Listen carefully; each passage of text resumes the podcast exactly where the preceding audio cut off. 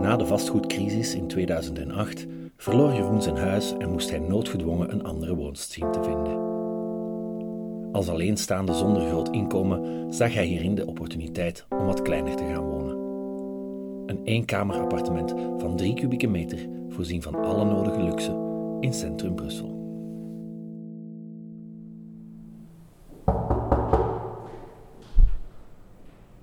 Kom binnen.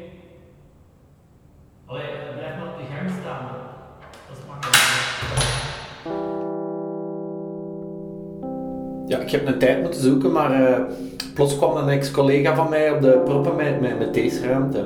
Het is, eh, het is eigenlijk het toilet dat deel uitmaakte van een kantoorgebouw van, het ministerie van Financiën. Maar eh, met de vastgoedcrisis hebben ze heel dat gebouw hier in stukjes verkocht.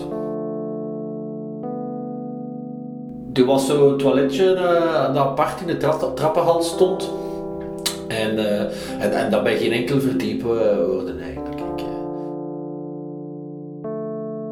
Ik, dacht dat het wel handig was om in het centrum te wonen. Ja. Mijn, werk is hier vlakbij, eh, op derde.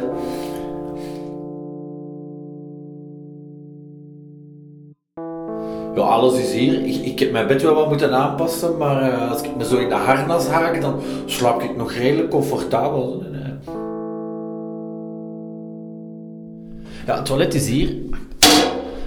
Eh, dat is ook echt praktisch, want eh, het is tegelijk met een zetel en met een bureaustoel, eh, wanneer dat ik van thuis uit werk.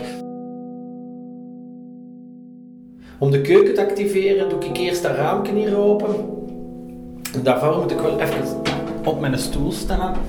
En dan haak ik deze plank, plank aan, deze plank aan de buitenkant van de vensterbank. En dan zet ik daar mijn draagbaar kookvoorhuis op. Ja, en de dam kan dat is gewoon buiten. Hè. Gewoon zicht ook. Hè. Ik, ik kan heel Brussel zien hier. eh.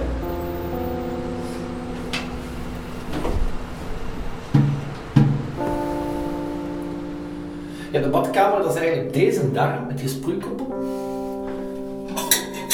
Aan het kraantje van de wasbak aansluiten. En dan op mijn wc gaan zitten met een bril omhoog. En dan eh, goed mikken. Hè. Niet te veel, want anders is dat hier overal water. Maar dat, dat went wel, dat went wel. Oh, die, die geur dat valt nu toch goed mee. Ai.